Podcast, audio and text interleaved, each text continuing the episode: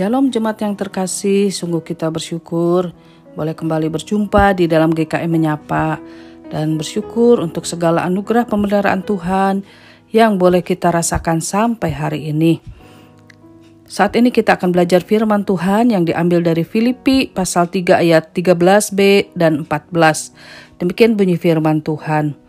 Aku melupakan apa yang telah di belakangku dan mengarahkan diri kepada apa yang di hadapanku dan berlari-lari kepada tujuan untuk memperoleh hadiah, yaitu panggilan sorgawi dari Allah dalam Kristus Yesus.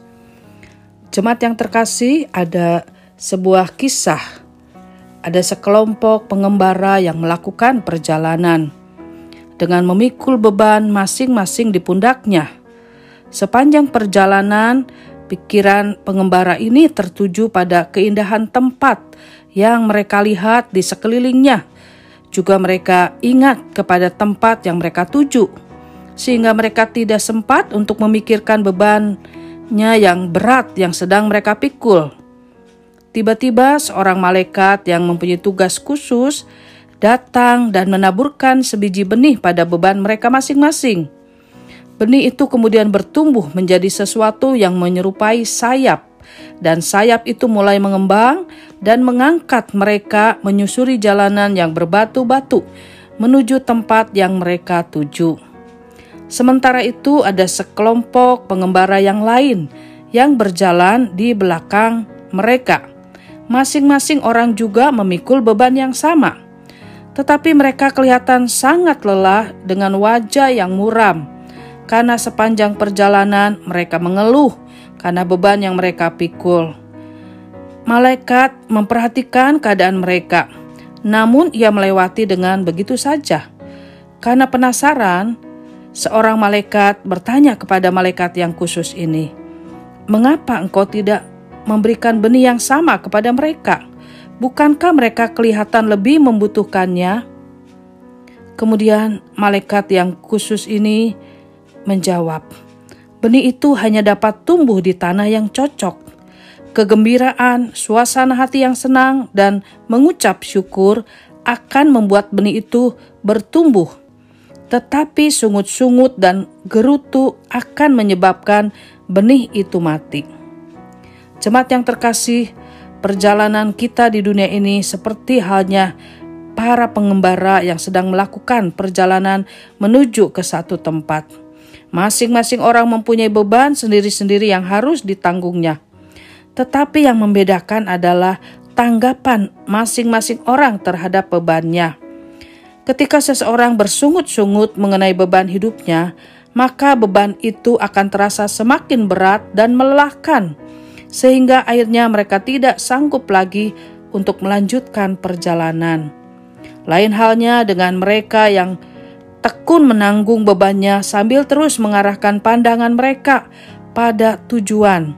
Mereka akan mendapatkan semangat yang baru untuk terus maju, dan karena mata mereka tertuju pada tujuan, maka mereka tidak lagi merasakan beratnya beban yang mereka pikul.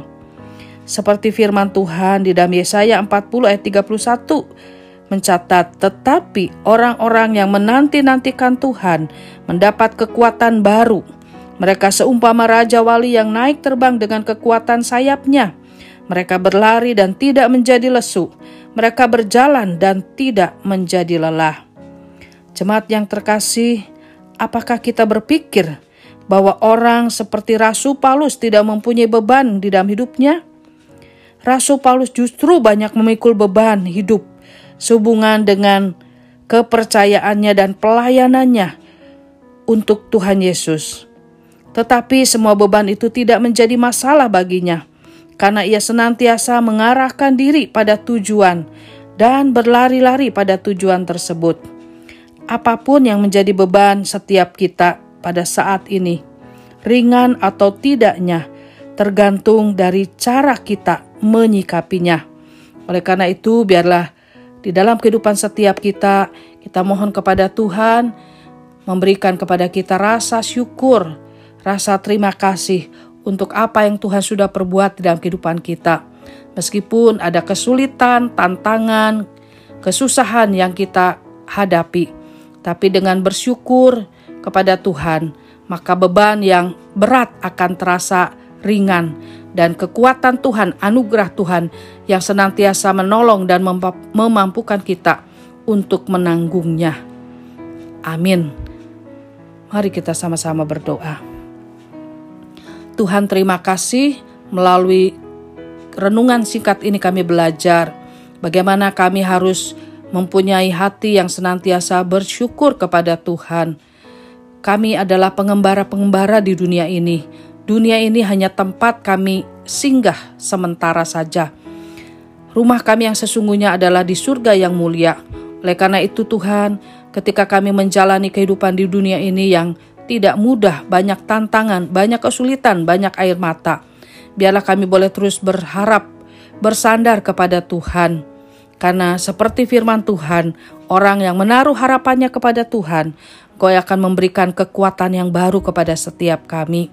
Terima kasih Tuhan, mampukan kami menjalani kehidupan yang masih Tuhan percayakan kepada kami dengan selalu bersyukur dan bersyukur.